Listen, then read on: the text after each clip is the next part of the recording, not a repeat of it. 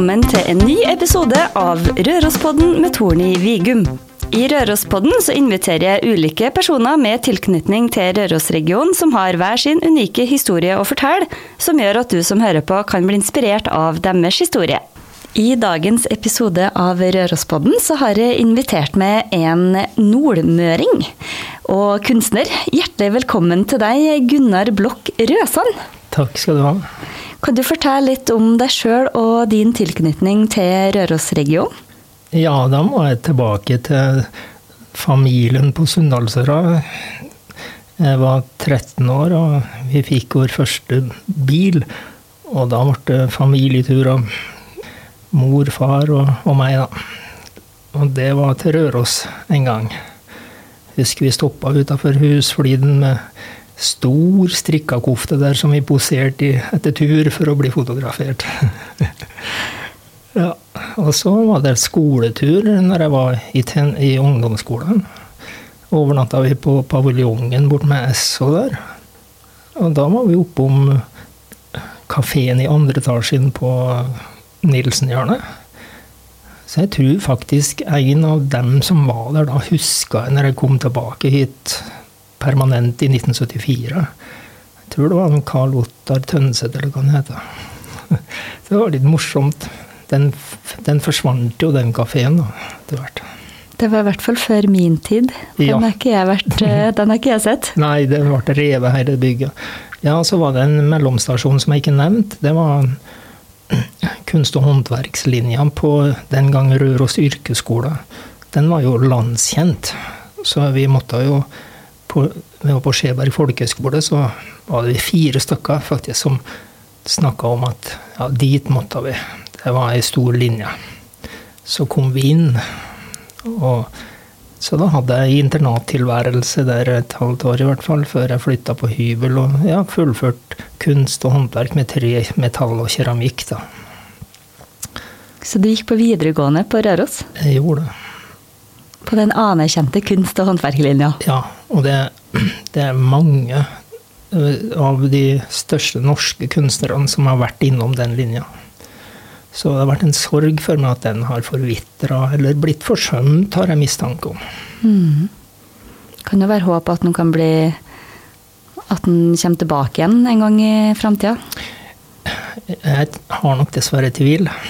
Eh, Et hjertebarn for meg er sånn kunstskoler som er en slags mellomstasjon mellom eh, videregående nå da, og, eh, og Kunstakademiet. Som fra ett, to og tre år man kan ta en sånn kunstskole. Og det skulle jeg gjerne hatt her i distriktet. Vi får, vi får håpe at det kan være en mulighet en gang i løpet av framtida. Krysse fingrene. Krysse fingrene for det. Ja. Men nå, i dag så bor du på Os, eh, Gunnar. Hvorfor eh, havna du på Os? Det var Ja, jeg, jeg flytta fra Røros sentrum til Glåmo stasjon, for det, jeg skjønte at den kom til å bli ledig, og der har jeg kjennskap til hele bygget, for jeg var landpostbud med utgangspunkt den stasjonsbygningen. Og da tenkte jeg at ja, nå kan jeg bo billig, med både bolig og atelier i, ett. Så da flyttet jeg dit, men det ble litt stusslig stugge der. Litt sånn høyt under taket og kaldt. Og, så da ja, var Øystein Burås som var kultursjef på Os den gangen. Han, når han møtte meg, så var det noen ganger han spurte ja, kommer du ikke til oss snart, da, Røsan? Og så til slutt så tenkte jeg at jeg måtte utfordre den. Ja, hva har du å by på, da? Og da tok han meg med til Hagenjordet bak Bifrost. Der som den utescena står nå, men ikke da. Der har de eh, på sysselsettingsmidler skaffa seg gamle hus, satt opp på et tun der. Og, og der så jeg det verkstedet i andre etasjen, og da var jeg solgt. Så da ble det flytting. Da ble det flytting Ja. til, til Os. Ja. Mm. Det var jo delvis eh, tilknytning til det kunstnermiljøet på Bifrost, som òg lokka i tillegg til det fine verkstedet. Mm. Pluss at det var jo billigere å bo der enn i sentrum på Røros, da. Mhm.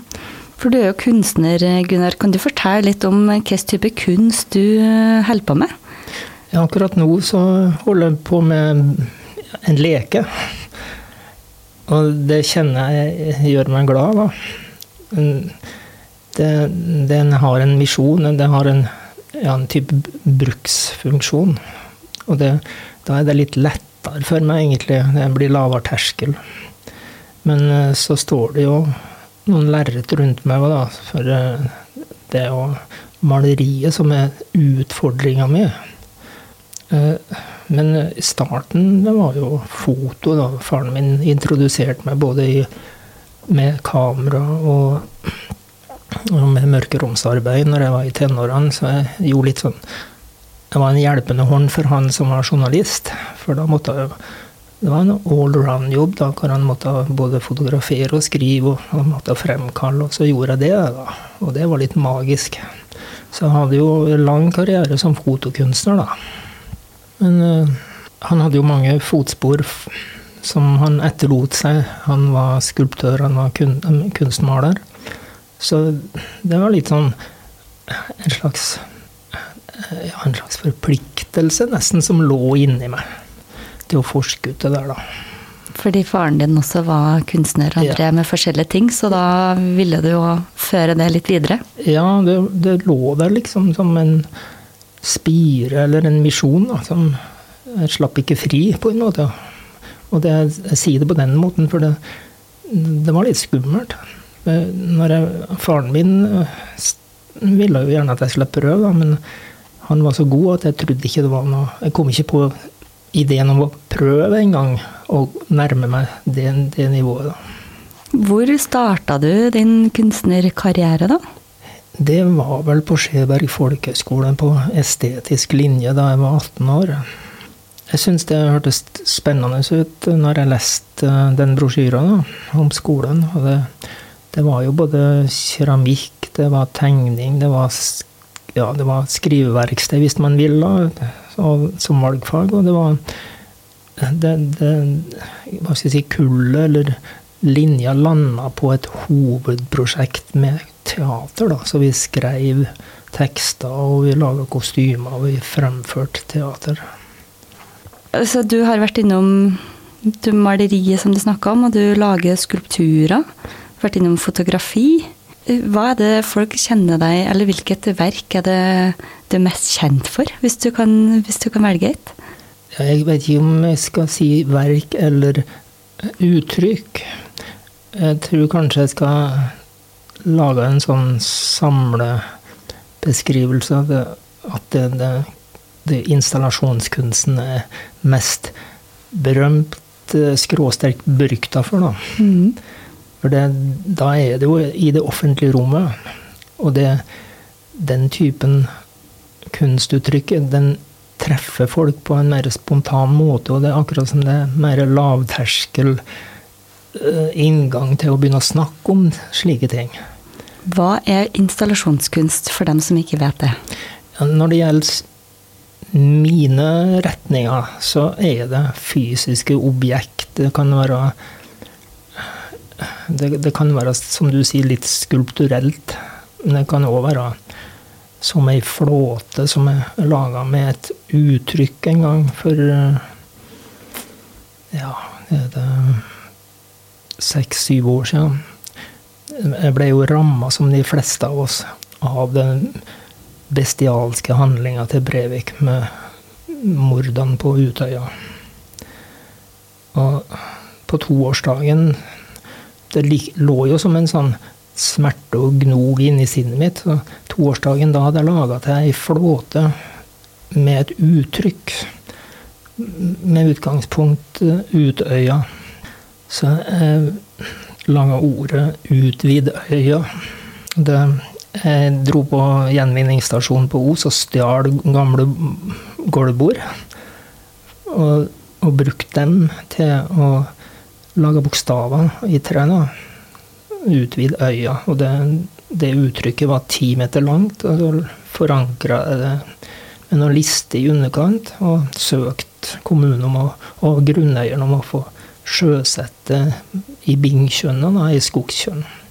Så da lå det som en installasjonskunst i to måneder. Var det mange som eh, kom og så på den? Fikk du mye tilbakemeldinger på det? Ja, jeg gjorde det. Både indirekte ved den der trimkassen, hvor jeg så antall navn som var skrevet inn eh, før og, og etter. Og det økte jo Det var en femdobling med navn som sto der, da. Og så fikk jeg noen SMS, bl.a. med noen pårørende som hadde en sønn på Utøya. Som ikke ble fysisk skada, men alle ble vel ramma psykisk. Mm. Og de satt der og hadde en slags eh, minnestund, da. For jeg hadde òg laga noen Jeg hadde noen små kvadratiske plankebiter som rester. Så da la jeg dem i en haug, og så skrev jeg en plakat om at hvis det var noen som ville lage sin egen minneritual, så gikk det an å bruke en sånn liten flåte og sette på et lys, og så sjøsette. Så det hadde de gjort. Veldig fint. Hadde du alltid lyst til å bli kunstner? Du snakka litt om det før, at du vegra deg litt fordi at faren din var så flink. Jeg tror det var faren min som først hadde lyst til at jeg skulle bli kunstner. Ja. Men du ville ikke det sjøl da?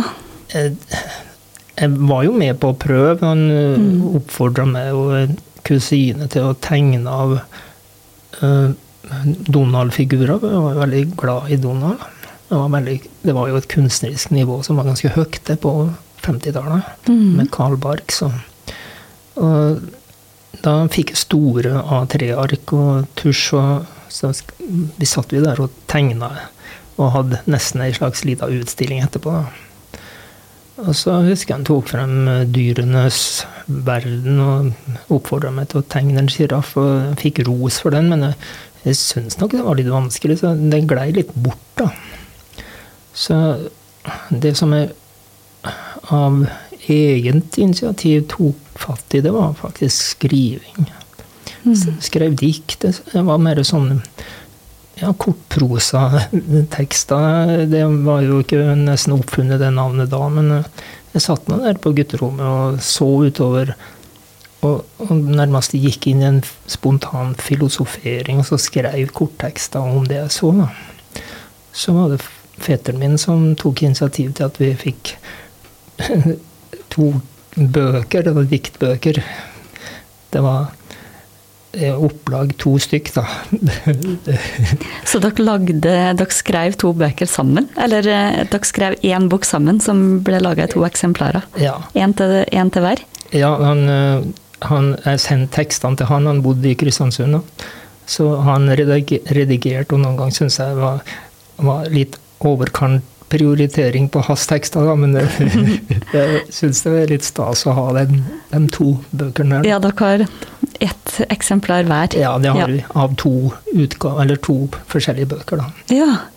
Hva, jeg lurer på, hva er det som inspirerer deg? Du driver med så, eller har også gjort så mye forskjellig type kunst. Både skriving og bilder, malerier og skulpturer. Mm. Eh, det blir litt famlende, fordi at eh, det er ikke noe sånn klart.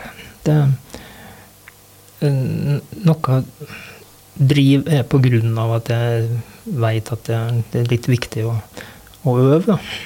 Når det gjaldt foto, så var det Det var etter hvert iscenesatte eh, foto. Det, det, er en egen kunstretning, fant jeg ut seinere. Det, det går ut på at jeg har en idé og så må jeg be noen å være med meg som modeller. Og så iscenesette den situasjonen jeg hadde idé om. Mm. Ser på komposisjon på lysforhold og på, ja, på, på beskjæring, holdt jeg på å si, sånn, hva som skal være utsnittet.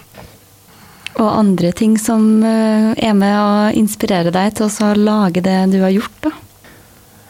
Ja, det kommer ofte som en fantasi, en eller annen Kanskje Ja, det kan være et objekt som Hvis jeg hopper langt nå, da, til 2009, så hadde jeg hadde vært på gjenvinningsstasjonen på Røros, og det var litt fri adgang, og der så jeg jo noen materialer som fascinerte meg. da.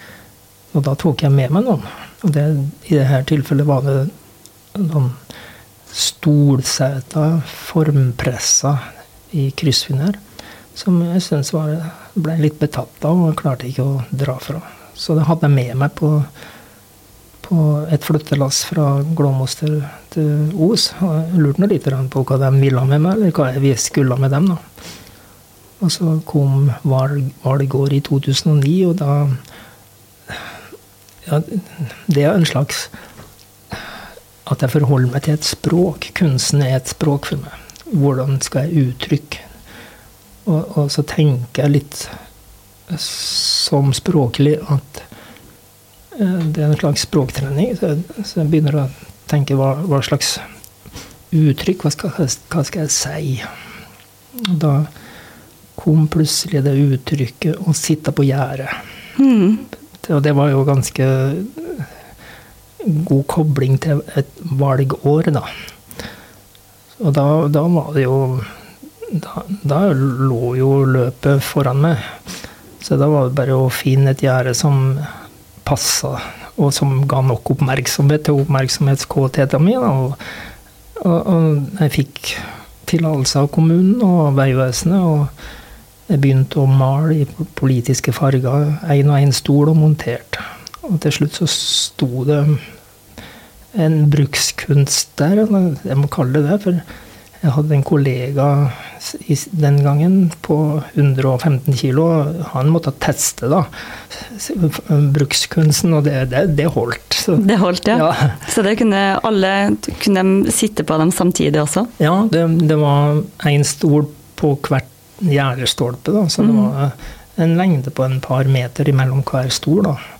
I alt fra hvitt og grønt og rødt og blått.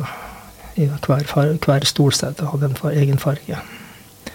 Så der var det noen ganger at jeg så noen unger fra, på, hjem fra skolen, de satt nå der og hadde litt av pause. Så det er artig å se at kunsten kan bli brukt på ja, fra, av alle eller flere aldersgrupper? At det fenger mange? Ja, eh, det gir meg glede. Det er jo et eget uttrykk for en type kunst som heter interaktiv. Det betyr at publikum skal være medvirkende. Og det var jo en utilsikta hensikt, men det gir meg glede at det, det skjer. Det skjønner jeg. Og du Gunnar, du har jo levd litt lenger enn i hvert fall meg. Ja. Og sikkert av de fleste og andre som òg kanskje hører på Rørospodden. Jeg er litt sånn nysgjerrig på hvordan du har levd livet ditt. Har du liksom alltid fulgt hjertet ditt? Jeg vet du fortalte meg om en, ja, en historie der du haika ned til Roma. Ja. ja. Og hvor den impulsen kommer fra, og om det har sin base i hjertet, det er jeg ikke sikker på den, den, ideen den kom seilende som eh, ja, student på, på Skjeberg folkehøgskole. Jeg kom jo fra Sunndalsøra. Det var jo for så vidt et dynamisk sted, men det var jo 7000 innbyggere der i kommunen. Så kommer jeg og føler meg nesten sånn For en tsunami av eh, ungdomskultur fra særlig Oslo-området. Flommende over meg. Og Der var det en av medstudentene mine som har vært aktiv i noe som het Alternativ jul. og Begynte å få åpna øya for noe som ja, politiske eller kulturelle skillelinjer blant ungdom. Da, sånn borgerlighet. Så det å feire familiejul, det var borgerlig. Og det var betydelig negativt ladning i det uttrykket. Så da var det nesten sånn pliktløp for meg å, å, å markere at jeg skulle ikke være hjem og være borgerlig. Så tenkte jeg ja, haiking det er spennende. Da starta du bare i Norge, da? eller? Ja, jeg starta på Skjeberg folkehøgskole. Bare satt der og så mine venner og medstudenter bli henta og dra hjem én etter én, og til slutt så ble det ganske stusslig og tomt i det store internatbygget. da. Så det ble litt ubehagelig for meg.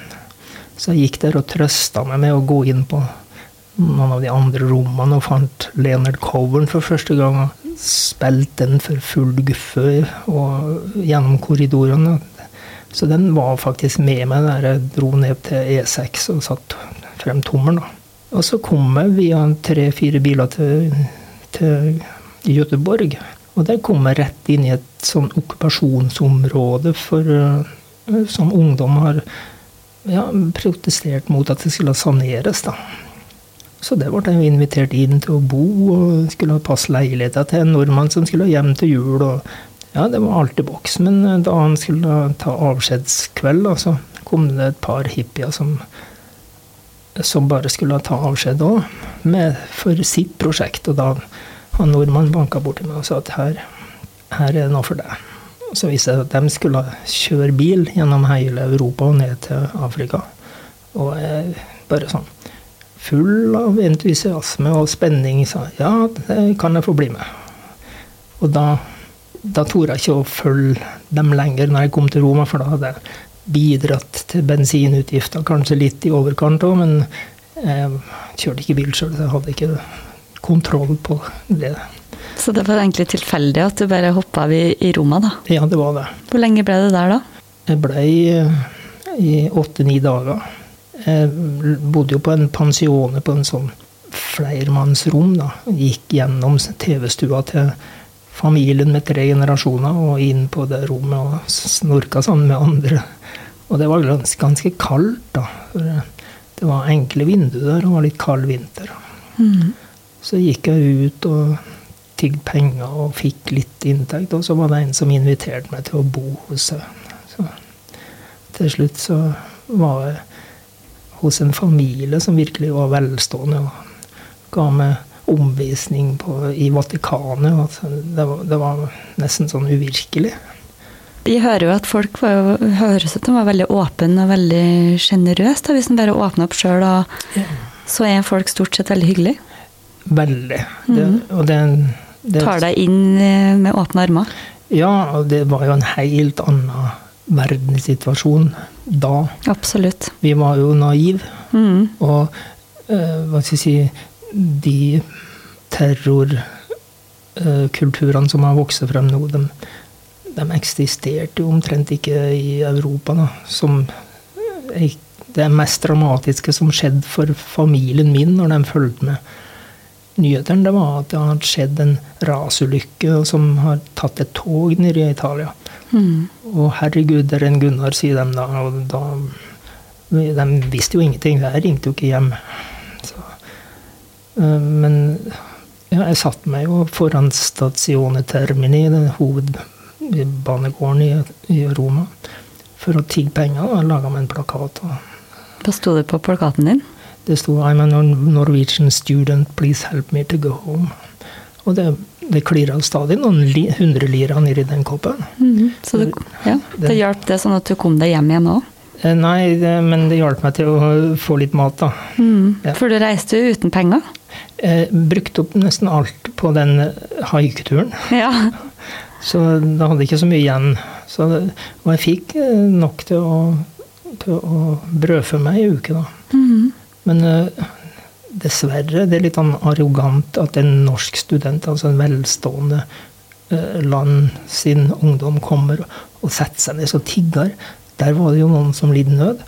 Og etter to dager så var det noen av de tiggerne som var krenka fordi at jeg hadde tatt reviret deres, tror jeg.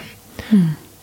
Jeg satt der med, i skredderstilling med en sånn liten pappeske som kopp for mynta. Og så ser jeg liksom at det kommer en litt haltende bevegelse i sideblikket. Og nærmer seg. Og så stopper han. Det er en mann med krykke. Og jeg hører jo en tirade på italiensk som er ganske rasende. da. Så jeg ser opp akkurat idet han har snudd krykken sin og slått den som ei golfkølle til pengekoppen min, så det klirrer utover hele området. Og da er det en student som kommer og hjelper meg å plukke opp pengene og, og sier at jeg kan få bo hos han. Det var fint av den studenten, men det var òg en kraftig beskjed fra den andre tiggeren her. Da. Det var det. Jeg var nok ikke ydmyk nok til å, til å, å flytte meg eller slutte med det. Jeg bodde hos den studenten og satt meg og tigget en par dager til. Hvordan var det du kom deg hjem til slutt, da? Ja, da gikk jeg på ambassaden og spurte om de kunne hjelpe meg, så fikk jeg et lån til billetten. Som du måtte betale tilbake når du kom hjem til Norge, da? Ja, og rektoren på folkehøgskolen kauksjonerte for meg, så det var litt formelt. Ja, såpass. Ja. Jeg hadde jo hørt rykter om at noen som har vært ute i utlandet og gått til ambassaden og fått, fått penger for å hjelpe, seg, jeg trodde jo det var det, da, men det var noe greit. Det syns jeg det var respektfullt. Det, det, det var fint da at de var der og hjalp deg, så du Ja. fikk komme deg hjem igjen. absolutt. Og så må vi jo over litt sånn til yoga, meditasjon, Gunnar, for du har jo meditert i 36 år. Ja. Kan du fortelle litt om det? Ja, det ser på uttrykket ditt at det er nesten litt uvirkelig for Ja. deg. ja. Nei, det, det var jo med i ungdomskulturen som jeg vokste opp i. Mm. Beatles som lærte seg meditasjon av Maharishi, f.eks. Og det var jo òg en oppmerksomhet mot yoga som Alt var jo spennende og nytt. I tenårene så ble jeg jo nysgjerrig. Men jeg gjorde ikke noe ut av det.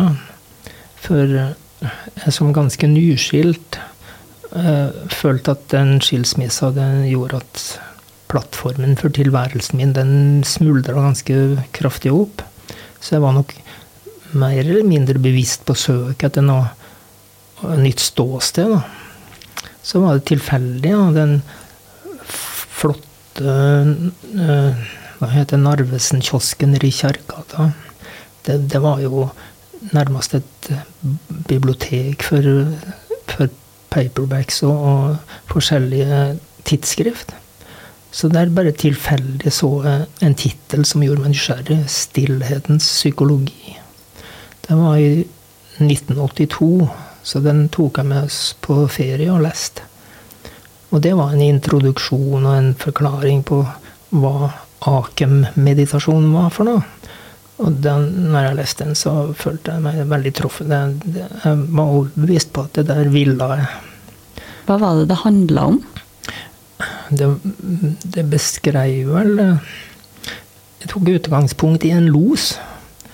Det var en passende metafor, egentlig. Han eh, hadde jo sin krevende jobb med å stå til, til og i uvær og, og hjelpe eh, skip som var i nød, eller som ikke klarte å finne frem i et eh, vanskelig farvann.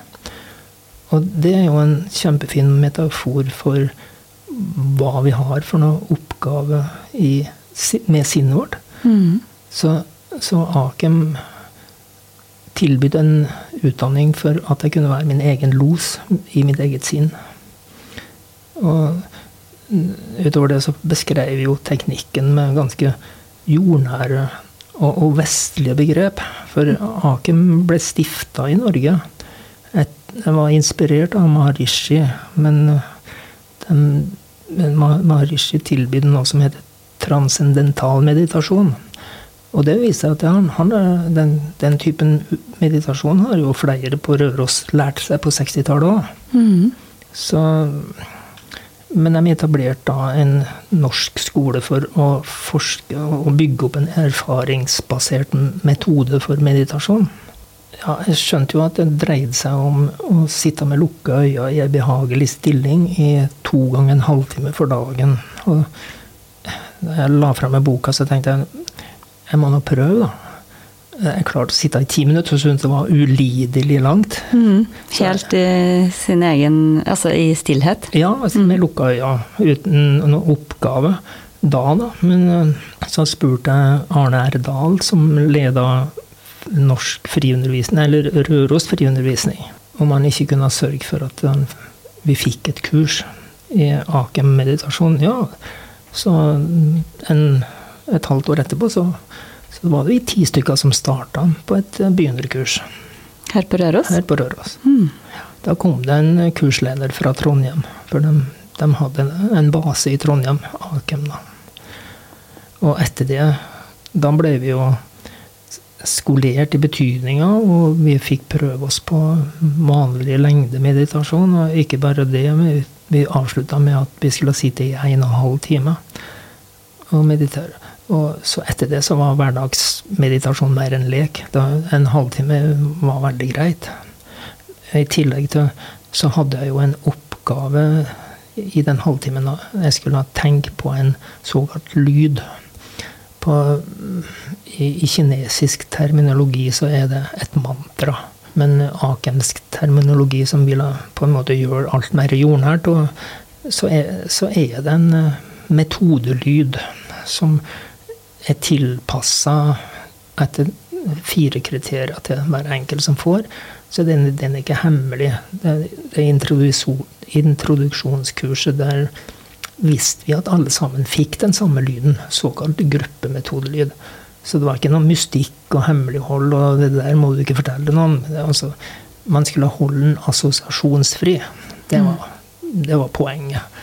Sånn at den skulle gi respons til sinnet min, med minst mulig uh, ting som var knytta til den, den lyden. Siden den gangen har du, har du meditert daglig? Ja, det er jo noen ganger at nei, det passa ikke. Jeg rota bort tida. Så at det ble bare én halvtime noen dager, og kanskje jeg var på besøk eller på ferie, så ble det en dag eller to uten. Men det er absolutt innafor det som de Akem kaller regelmessig meditasjon. Hva er det det har gjort med deg? Det har gjort meg mer oppmerksom. Det har gitt meg avspenning. Og den avspenningsresponsen, den er spontan. Og den er målbar fysisk. Når man bruker elektroder og sånn. Og den prosessen, det er jo en slags ja, kall det oppvask man rydder bort eh, dagsrestene som man har fått gjennom dagen, og kanskje ikke har fått tid til å, å bli ferdig med. Så det setter av systematisk tid til å bli ferdig med dagsopplevelsene mine. Mm. Men det, det, typisk tar det ca. 20 minutter av meditasjon. Så de siste ti minuttene så er det plass til noe annet, som vi alle går med òg. Det er livsrester. Mm. Og det, det kan melde seg på diffuse måter. Helt sånn uh, utilgjengelig i, i, kobling. Men f.eks. En, en, en muskelspenning. En rastløshet. En uh, ja, for, forskjellige typer sånne ting. Som oppgaven min er bare å registrere, da. Og la det komme. Og verken holde fast på det som kommer, eller å skyve det bort. Men bare registrere det. Og sitte med det? Og sitte med det. Og så er jo oppgaven min kan si todelt. Det er å tenke den lyden og være oppmerksom. Og den lyden kan vi si er opp, oppvaskbørsen. Du trenger et redskap for å få flekkene bort på koppen. Ja, så enkelt. Veldig spennende å høre om. Og det her eh, Vi snakka jo litt om livsfilosofi også i forkant av det her intervjuet. Har du noen tanker om det? Jeg vet ikke om jeg har noe spesiell eh, eller enestående filosofi, men eh, jeg har jo etter hvert og mange ganger lurt på hva er det som er meninga med livet. Og jeg synes faktisk at det var så heldig å finne frem til en betydelig mening med livet. Det ja, nå, nå, har ikke jeg så stor egen erfaring, men jeg har deltatt på samlinga i Akem. Og de begynner å snakke om et nivå av kjærlighet. Av det er tidløst. Og det Jeg tror det er meninga med livet. Det er jo gresk eh, Ja, vet ikke om det er filosofi. Så er det jo en firedelt eh, begrepsinndeling for kjærlighet. da. Du har jo det, det umiddelbare som egentlig er betinga av at vi skal overleve som rase. Det er fysiske kjærligheten, begjæret. Men eh, så det mest altruistiske, da, den nestekjærligheten, som ja, òg er like avgjørende for at vi skal overleve som rase, og ikke bygge opp terror og fiendebilder. Det her må jo alle ta med seg. Ja, og Akem eh, sin jordnærhet, den fascinerer meg. De mener at vi i Norge f.eks. bl.a. har hatt en spontan kultur for meditasjon. eh, som de har plass, Akem plasserer inn i skumringstimen, eller skreddertimen som noen kaller det. Det var jo da det ikke var elektrisk lys. Og folket på gården var ferdig med dagens arbeid som de trengte dagslys til, og så var det ikke mørkt nok til at de kunne hatt råd til å tenne på oljelampa eller stearinlyset. Så satt de der med enkle oppgaver. Spikka en selpinne eller en rivepinne. Kanskje kvinnene strikka. Det var vel litt tradisjonell oppgavefordeling. Mm. Enkle oppgaver som ikke krevde konsentrasjon. Som også er En meditasjon. en meditasjon, ja. Ja. Så det å strikke er en form for meditasjon? ja, uten at jeg har personlig erfaring. Jeg, jeg, jeg strikka en bleiesnipp til dattera mi da jeg var nybakt pappa, men dessverre finnes den ikke lenger. Det var en utrolig attest på fremgang. Det er det som er morsomt, da, når man starter med noe nytt, og så får man jo fort fremgang. Ja, og det, det var nok ikke en akemsk meditasjon, den bleiesnippen, for det var veldig mye konsentrasjonsøvelser. Ikke sant? For eh, meditasjon Akem deler inn i to hovedgrupper. Konsentrasjonsøvelser, som f.eks. et bibelsitat som du skal konsentrere deg om, eller du skal konsentrere deg om pusten, eller ja, Det var kanskje ikke så godt eksempel, men et, objekt som du skal konsentrere deg om og sitte og, og være oppmerksom på. Men Akem meditasjon, det er mer en sånn ledighetsmeditasjon som du, du skal ikke oppnå noe. Du skal bare prøve å gjenta den lyden når du er oppmerksom på at du, du har den oppgaven. Mhm. Og, og la ting komme og flyte til deg og fra deg. Som med ledighet. Veldig spennende. Er det vanskelig å, å gjøre det hver dag? Det er det både ja og nei til. Mm. Jeg ble, var veldig motivert etter det begynnerkurset. Skjønte at det her var, det traff meg. Og det, og det er jo liksom kanskje inngangsporten for de fleste. De kommer borti noe som treffer. Mm. Så, ja, så jeg bare tenker hvis noen vil begynne med meditasjon, hvis noen syns det er spennende, så er det inngangsporten kanskje å delta på et kurs? Jeg vil anbefale det, for da blir det satt i en forståelsesramme som gjør at man blir mer motivert, Mm. og, og skjønner egentlig prinsippene. Mm. Nå finnes det jo mange nettsted og bøker som uh, tilbyr at du, du leser deg til din egen teknikk. og Hvorfor ikke? Altså, går du en tur i skogen, så mediterer du. Mhm.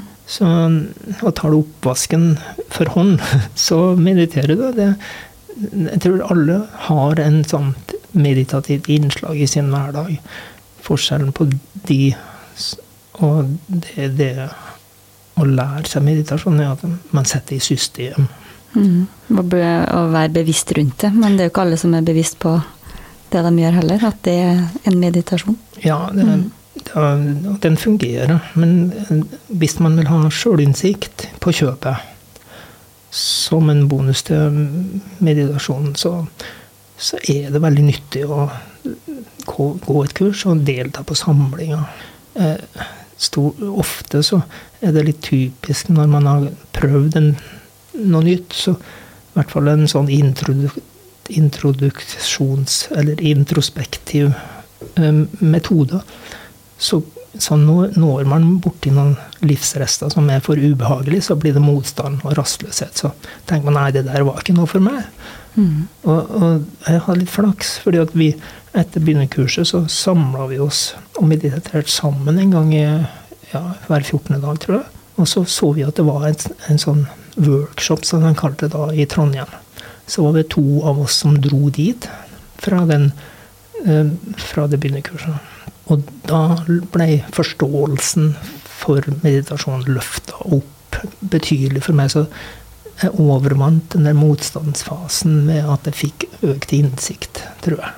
Mm. Så det handler om å også komme seg gjennom kanskje den første Altså hvis man møter motstand, da. Komme seg gjennom den. Ja, det er absolutt det. Og det gjelder jo alt i livet. Jeg har jo vært eh, en kronisk på flukt ifra oppgaver som har vært for vanskelig.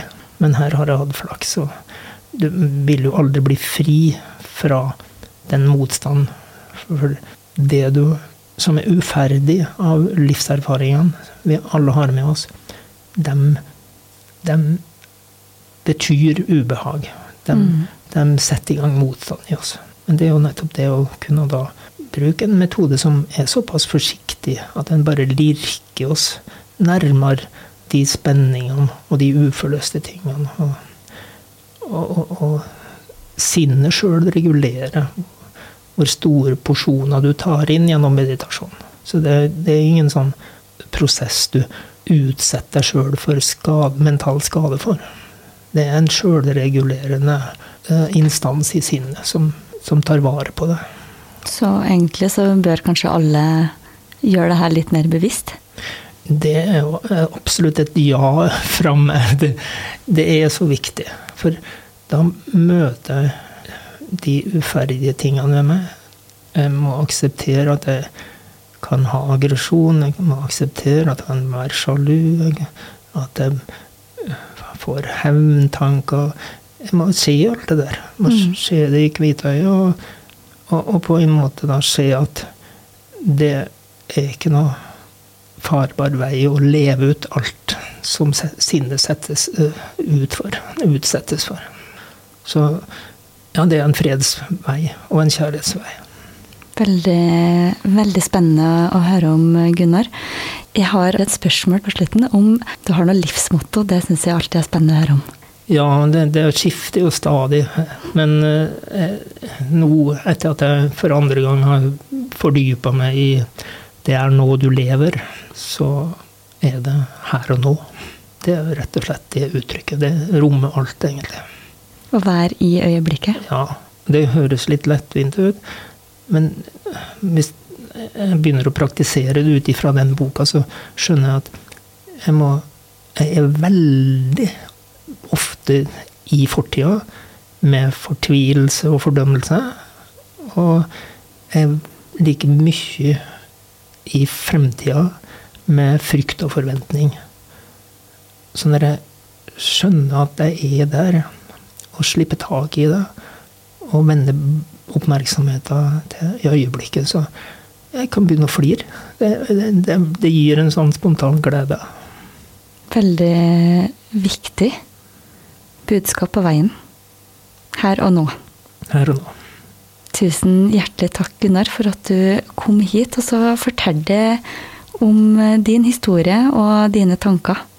Takk for gode, gode spørsmål. Tusen hjertelig takk til deg, Gunnar Blokk Røsand, for at du kom og fortalte din historie på Rørosbåten. Og tusen hjertelig takk til deg, kjære lytter, som hørte på. Rørospodden er tilbake igjen neste uke. Du kan også følge Rørospodden på Instagram og Facebook. Så snakkes vi neste uke. Ha det bra!